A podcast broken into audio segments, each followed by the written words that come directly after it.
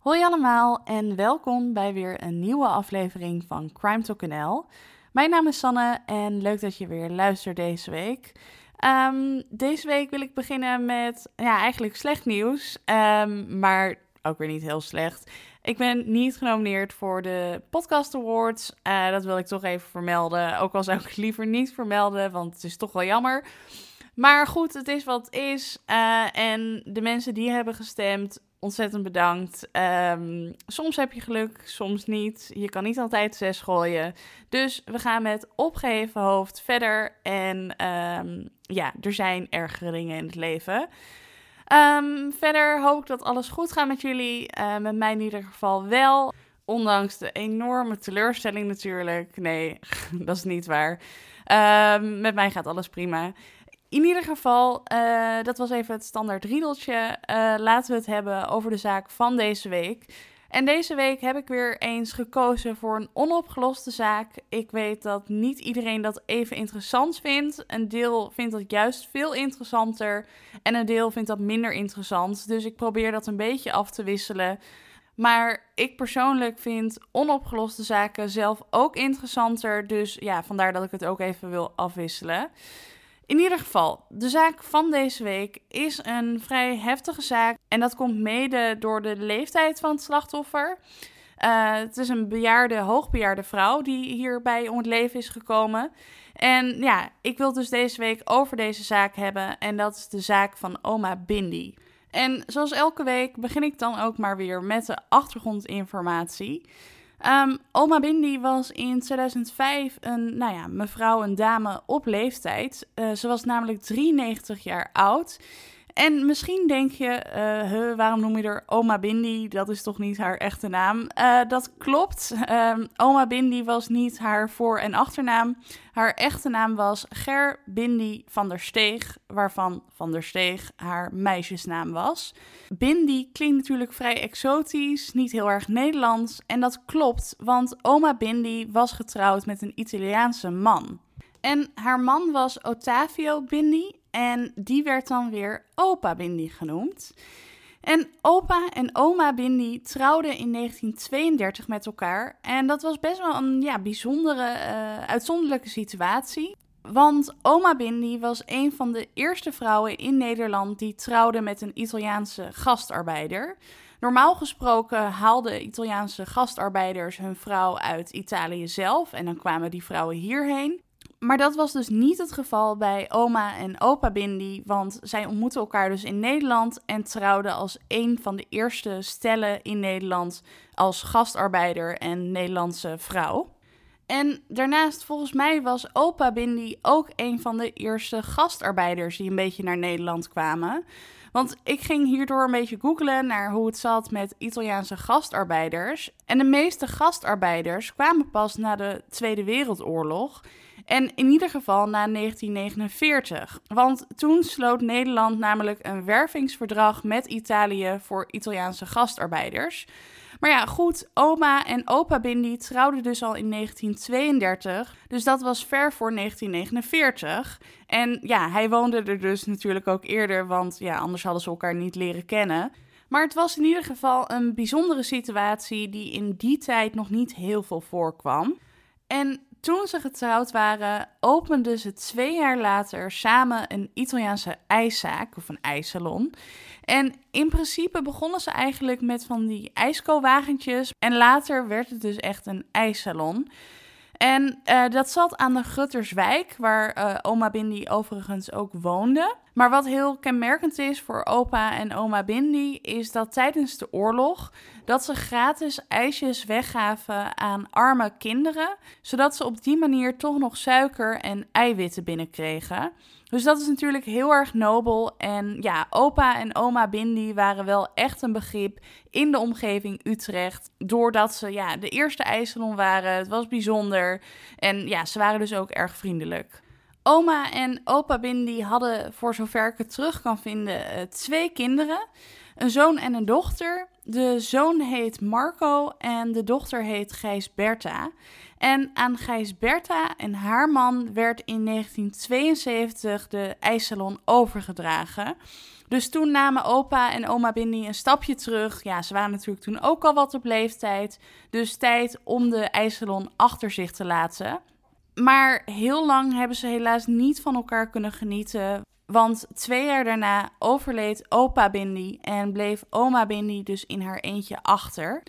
Oma Bindi paste vaak op haar kleinkinderen en ging daar ook graag mee op vakantie. Het liefst natuurlijk naar Italië, want ja, daar was ze wel echt mee verbonden. En ja, ze was echt een familiemens, maar ook zij werd wat ouder en ja, haar gezondheid ging toch wat achteruit. Ehm, de laatste jaren was oma Bindi ook slechte been, was ze bijna blind, was ze bijna doof. En daardoor kwam ze ook een stuk minder buiten, zoals helaas bij veel oudere mensen het geval is. Ja, de wereld wordt toch wat beperkter. Maar gelukkig was er de zondagochtend, want op zondagochtend was het traditie dat de familie bij oma Bindi thuis op bezoek kwam. Dan dronken ze samen koffie, uh, praten ze bij en ja, daar genoot oma Bindi enorm van. En dat is denk ik ook voor veel mensen wel herkenbaar dat ja, oudere mensen daar echt ja, van genieten en daarnaar uitkijken. En ja, dit was dus ook het geval bij oma Bindi. Naast haar familie had oma Bindi niet heel veel andere sociale contacten. Uh, er kwamen niet zoveel andere mensen over de vloer behalve haar familie. De andere mensen die wel nog over de vloer kwamen waren mensen van de thuiszorg en mantelzorgers. Um, want ja, nogmaals, haar gezondheid was achteruit gegaan. Dus ze had echt wel hulp nodig van buitenaf om ja, haar leven te leiden. Dus die mensen zorgden dan ook nog wel wat voor wat sociale contacten. Maar in principe bestond het sociale contact vooral uit de familie Bindi. Verder, qua uiterlijk was oma Bindi ontzettend verzorgd. Het was echt een dame. Um, ze had, ondanks dat ze 93 was, blond haar, um, een mooi make-upje op, vrolijke kleuren droeg ze qua kleding. Ze zag er gewoon ontzettend verzorgd uit. En volgens mij stond ze daar ook wel echt bekend om dat ze nog altijd heel erg gaf om haar uiterlijk en verzorging. En dit klinkt natuurlijk als een vrij ja, normale situatie, niks geks. Een, een oudere dame uh, heeft haar familie, komt niet zoveel meer buiten. Uh, maar toch gaat het uiteindelijk gruwelijk mis. En ja, daar gaan we dan nu heen in het verhaal. Uh, want het is dan 9 juni 2005 en het is een hele warme dag in Nederland. Daarna speelt ook het Nederlandse elftal een kwalificatiewedstrijd tegen Finland voor het WK. Waarbij Nederland overigens met 4-0 won, maar dat zeiden. Um, maar het is dus door die voetbalwedstrijd en door het warme weer heel erg druk op straat. Het is een lange dag. Uh, de kroegen zitten vol. En ja, nogmaals, er waren veel mensen op straat, ook door de hitte. Maar wie er niet buiten is, is oma Bindi. Die was die avond gewoon binnen en werd rond half acht door haar dochter Gijs Bertha naar bed gebracht of in bed geholpen. En nou ja, haar dochter gaat weg. Maar de volgende ochtend wordt de dochter van oma Bindi, Gijs Bertha, gebeld door de thuiszorg. Want oma Bindi deed de deur niet voor hun open. En nou ja, normaal gesproken deed ze dat wel. Ze deed dan gewoon zelf de deur open voor de thuiszorg. Maar dat was toen niet het geval. Dus dat zat hun niet helemaal lekker. En daarom besloten ze om naar Gijs Bertha te bellen. Dus die ging naar het huis van oma Bindi. Ze deed de deur open. En ja, wat ze daar zag was oma Bindi die bebloed op bed lag en was overleden. En ja, het werd eigenlijk al vrij snel duidelijk dat oma Bindi door een misdrijf om het leven was gebracht. Dus de politie werd ook natuurlijk gelijk gebeld. En ook zeker omdat het erop leek alsof de woning doorzocht was. En het was niet per se iets wat leek op een ja, doorsnee typische inbraak. Uh, want als er normaal gesproken wordt ingebroken, dan ligt het hele huis overhoop. Uh, is het overal één grote ravage. Omdat ja, inbrekers die moeten natuurlijk overal zoeken in de hoop dat ze iets waardevols kunnen vinden. Maar dat was in het huis van oma Bindi niet het geval. Sterker nog, het leek erop alsof er eerder heel erg gericht naar bepaalde spullen is gezocht. De dochter van oma Bindi vertelde namelijk dat op het moment dat zij via de achterkant van de woning naar binnen kwam, dat er een lade van een ladekast open stond en dat daarbij ook spullen op de grond lagen. Daar miste geen spullen van, maar daarnaast had oma Bindi ook een bergruimte onder de vloer waar ze een kistje had verstopt met daarin geld en sieraden, juwelen, net hoe je het wil noemen. En die waren dus wel weg. En daarnaast, wat ook nog opviel, was dat het snoer van de telefoon van oma Bindi was doorgesneden, of in ieder geval was doorgeknipt. En ja, voor de jonge luisteraars, vroeger had bijna iedereen een huistelefoon waarmee hij of zij belde. En ja, de wat ouderwetsere modellen, die hadden een snoer. En ja, zonder zo'n snoer kon je niet bellen, want dan kon er geen verbinding worden gemaakt. En ja, als je die dus doorknipt, dan kan iemand niet telefoneren. En in dit geval misschien wel geen hulp inroepen. Dus het lijkt er ook een beetje op alsof de dader of daders het snoer hebben doorgeknipt, mogelijk met het idee dat oma Bindi geen hulp kon bellen. Dus dat zijn eigenlijk de bevindingen die werden gedaan aan het begin van het onderzoek in en rondom het huis van oma Bindi. Maar natuurlijk is er ook onderzoek verricht naar het lichaam van oma Bindi. En uit dat onderzoek van toen bleek dat oma Bindi tussen 8 uur in de avond en 8 uur ochtends vermoord moet zijn geweest.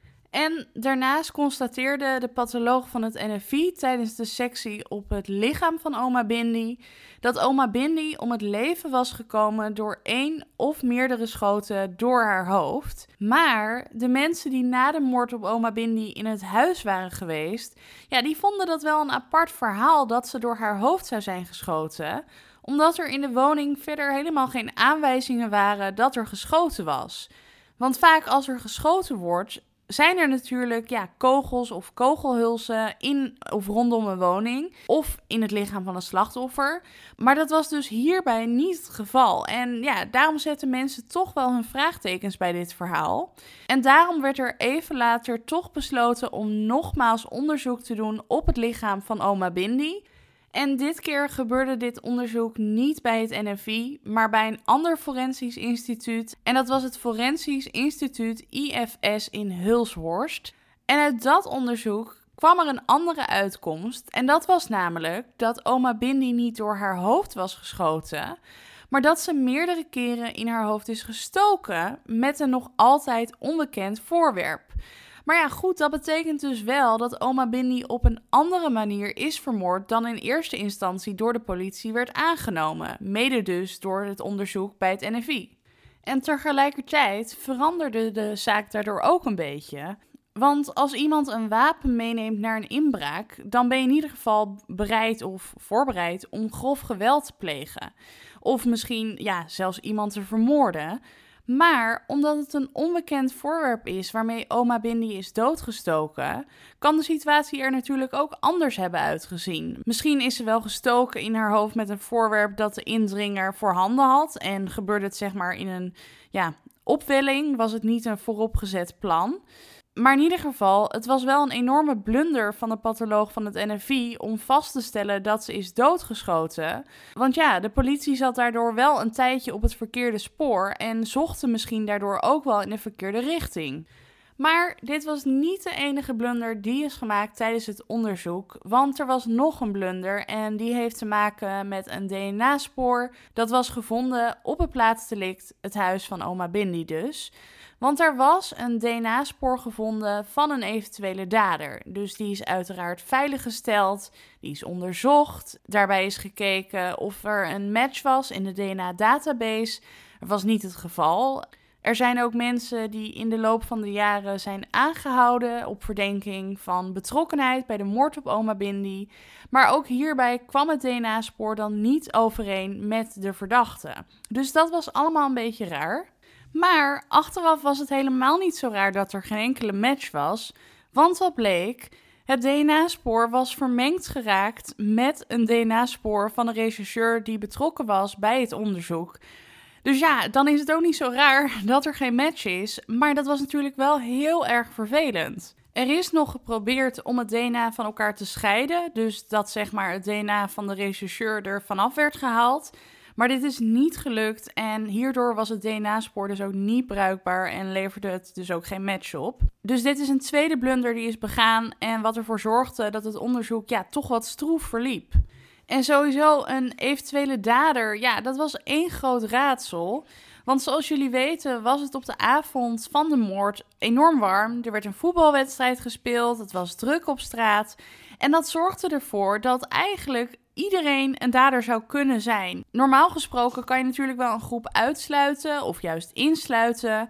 Maar omdat dit net zo'n andere avond was, waarbij er dus veel meer mensen op straat waren dan gewoonlijk, was het dus erg lastig voor de politie om een beeld te creëren van een dader. Zoals ik net ook al zei, zijn er wel een paar mensen aangehouden op verdenking van de moord. En dat was onder andere de dochter van oma Bindi, Gijs Bertha, en haar man. Uiteindelijk bleek dat ze er niks mee te maken hadden, maar dat is natuurlijk wel heel erg heftig als je ja, gewoon een kind bent van iemand en je bent zelf op zoek naar de waarheid, naar de echte dader. Je weet dat je er niks mee te maken hebt en jij bent degene die dan verdacht wordt. Ja, dat lijkt me vreselijk. Ehm, en dat gebeurt ook wel eens in andere zaken. De politie kijkt natuurlijk vaak naar de omgeving van een slachtoffer. Dus ja, dan, dan kom je al snel bij een partner of bij kinderen terecht. Maar ja, het kan dus ook dat zij er niks mee te maken hebben. En ja, dat lijkt mij in ieder geval echt een vreselijke ervaring. En ehm, ja, nogmaals, uiteindelijk bleek dus ook dat Gijs Bertha en haar man er niets mee te maken hadden. Een paar jaar daarna is er ook een man in zijn cel aangehouden op verdenking van betrokkenheid bij de moord op oma Bindi. Hij had ook al eerder een roofmoord gepleegd, dus ja, het zou wel een beetje, om zo maar even te zeggen, in zijn straatje passen. Maar uiteindelijk bleek ook dat hij er niets mee te maken had en daardoor stond de politie ook weer voor een raadsel. En ja, wisten ze eigenlijk ook niet meer zo goed waar ze het zoeken moesten. Het onderzoek liep dood. Uh, er was niks meer te onderzoeken. Dus ja, uiteindelijk kwam het onderzoek stil te liggen. Tot 2013. Want toen werd er een cold case team op de zaak van Oma Bindi gezet. En uit dit onderzoek kwamen best wel wat opmerkelijke dingen. Want uh, in het begin werd dus gedacht dat oma Bindi tussen 8 uur s avonds en 8 uur s ochtends vermoord zou zijn geweest. Maar waarschijnlijk zit dat toch net wat anders. Want door de gegevens van haar lichaamstemperatuur en door de manier waarop de bloedsporen zijn opgedroogd, kon de politie uiteindelijk achterhalen dat ze minder lang was overleden toen ze gevonden werd dan aanvankelijk werd gedacht. Want uit het nieuwe onderzoek bleek dat ze waarschijnlijk in de ochtend is overleden tussen 4 uur s'nachts en 8 uur s ochtends. En dat betekent dus ook dat het mogelijk zou kunnen zijn dat oma Bindi net was overleden op het moment dat haar dochter Gijs Bertha naar haar huis kwam nadat ze was gebeld door de thuiszorg. Dus ja, dat maakt het wel extra naar als je bedenkt dat ze, ja, als ze misschien, hem misschien, hè, dit is pure speculatie, als ze iets langer had blijven leven, ja, dan had ze misschien wel overleefd. Of dan waren er in ieder geval meer antwoorden geweest. Maar goed, ze was al overleden op het moment dat haar dochter haar woning binnenkwam. Maar waarschijnlijk is oma Bindi dus veel later, of eigenlijk vroeger, hoe je het maar net bekijkt, overleden dan in eerste instantie gedacht werd. Want eerst werd dus gedacht tussen 8 uur s avonds en 8 uur s ochtends. En uit het nieuwe onderzoek kwam naar voren dat het waarschijnlijk tussen 4 uur s ochtends en 8 uur s ochtends is geweest. Dus dat verkleint ook wel het tijdsbestek. Maar er is meer informatie waardoor het aannemelijk is om te denken dat oma Bindi pas in de ochtend is overleden. En dat komt namelijk eigenlijk door de familie dat ze hierachter zijn gekomen. Want tijdens het onderzoek moest de familie van oma Bindi nog eens naar de foto's kijken van het plaatsdelict. En even tussendoor, hoe naar is het als je dat nog een keer moet doen en er opnieuw mee geconfronteerd wordt. Maar goed, um, ja, dat moeten ze dus doen. En op de foto's ziet de familie van oma Bindi dat oma Bindi pantykousjes aan had. En het rare hieraan is, is dat normaal gesproken als oma Bindi ging slapen, dat ze die pantykousjes uitdeed. En op het moment dat ze weer opstond, deed ze altijd de pantykousjes aan. En daardoor wordt er nu rekening gehouden met een ander scenario. En dat is namelijk dat oma Bindi wellicht al zelf naar buiten is gegaan. Het was namelijk vuilnisophaaldag. Dus er is een mogelijkheid dat oma Bindi zelf naar buiten is gegaan, met die pantykousjes aan dus, en zelf het vuilnis heeft buiten gezet. En dat er wellicht iemand is geweest, bijvoorbeeld een indringer, een inbreker of wie dan ook, die haar achterna is gelopen en toen zijn slag is geslagen in het huis van oma Bindi. En daarnaast bij dit scenario kijkt de politie ook naar een bepaalde groep mensen. Want tegenover het huis van oma Bindi was namelijk een parkje waar ja, regelmatig drugsverslaafden waren en mensen die zich bezighielden met criminaliteit. Niet de allermakkelijkste mensen dus, zeg maar. Maar goed, daarom werd er dus wel gekeken naar die groep mensen. Want ja, wellicht hadden die mensen geld nodig en hebben ze toen oma Bindi zien lopen en als een makkelijke prooi gezien. Ja, dat is natuurlijk niet zeker en dat weten we niet. Maar dit is dus wel een scenario waar de politie rekening mee houdt. Verder werd er tijdens het nieuwe onderzoek nog wat opmerkelijks ontdekt. En dat is namelijk dat op een foto werd opgemerkt dat er een dopje van een naald lag. Die werd gebruikt voor bloedafname door de trombosedienst. Alleen het gekke is dat het dopje dat werd gevonden op die foto, zeg maar, niet van een naald afkomstig was die door de trombosedienst van oma Bindi werd gebruikt. En ik weet nou niet of dat een ja, bepaald merk is dat gebruikt is, ehm, maar het is dus wel heel erg raar dat het er lag en dat dit dus niet de dop was die door de normale trombosedienst gebruikt werd. En toen ik dit las, toen moest ik gelijk aan iets denken. En ik wil even benadrukken, dit is echt een pure speculatie. Maar zou het niet zo kunnen zijn dat iemand net alsof deed alsof hij of zij van de trombosedienst was? En net alsof deed dat hij bloed moest afnemen bij oma Bindi, dat zij hem of haar heeft binnengelaten en vervolgens een slag is geslagen nogmaals, pure speculatie. Maar ja, ik vond het toch wel heel erg opvallend om te lezen dat dit een ander soort dopje was dan de dopjes die de normale trombosedienst gebruiken. Nogmaals, nu de derde keer, dit is een speculatie, um, maar vaststaat dat het in ieder geval wel raar is dat dit dopje werd aangetroffen. Sowieso vind ik het ook wel apart dat er dus vrij specifiek in de woning gezocht werd. Je moet ook maar net weten dat iemand, of in dit geval oma Bindi, een ruimte had onder de grond waar ze die spullen bewaarden. En ja, persoonlijk denk ik dat het niet heel standaard is om onder vloeren te zoeken. Uh, ja, ik weet het niet zeker. Ik heb geen ervaring met inbreker zijn. Maar het lijkt me stug dat je als inbreker dat je constant op zoek bent naar ja, ruimtes onder de grond omdat er spullen liggen. Um, ja, nu ben ik weer aan het speculeren, maar ja, zou het dan niet kunnen zijn dat het iemand was die wist dat ze die spullen daar bewaarde? Of dat nou iemand was uit de zorg of uit haar naaste omgeving, dat weet ik niet. Maar ja, ik vond het toch wel opvallend dat er zo specifiek gezocht is. Want bij iemand die je niet kent, lijkt me dat je overal gaat zoeken. Dus ja, dat wilde ik toch nog even zeggen. Misschien denken jullie daar anders over. Maar ja, ik moest er de hele tijd aan denken van... ja, hoe kan het nou dat er zo specifiek gezocht is? Is dat normaal? Is dat niet normaal? Ik weet het niet. Als iemand het weet, laat even weten. Uh, maar ik vond dit in ieder geval ook heel erg opvallend. Verder, uh, ja, de familie van oma Bindi hoopt natuurlijk dat er nog uh, ontwikkelingen gaan komen, dat er een doorbraak komt. Of dat er iemand is die zoiets heeft van ja, het is nu al best wel lang geleden. Misschien kan ik nu wel gaan praten. misschien mochten ze en konden ze eerst niet praten en kunnen ze dat nu wel. En die hopen dus nog steeds altijd op een doorbraak. En ja, volledig terecht. Want er is een 93-jarige oudere dame vermoord. Om wat? En om wat voor reden? Het slaat helemaal nergens op. En ja, degene die dit op zijn geweten heeft, moet hier gewoon voor gestraft worden. Want waarom zou je een onschuldige oude dame dit aandoen? Dan ben je echt weer, zoals ik vaker zeg, maar echt niet goed in je hoofd. En ja, dan ben je denk ik ook vrij ziek als je dit een oudere dame in haar eigen huisje aandoet. Echt. Ja, zulke mensen bestaan, maar je, je, kan het je niet voorstellen. Um, ja, laten we in ieder geval hopen dat er nog een doorbraak gaat komen. Uh, ja, zeg nooit nooit. Uh, er blijven natuurlijk nieuwe technieken komen. Misschien wordt er nog op andere manieren naar de zaak gekeken. En komt het uiteindelijk toch tot een doorbraak. Um, laten we dat in ieder geval hopen, want deze zaak moet dus opgelost worden. Um, ja, dit was het verhaal van oma Bindi. En daarmee ook het einde van de podcast van deze week.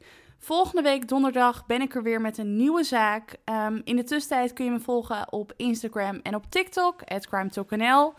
En ja, voor nu wil ik je een hele fijne week toewensen. Uh, ik hoop dat je volgende week weer luistert. Bedankt voor het luisteren deze week en tot horens.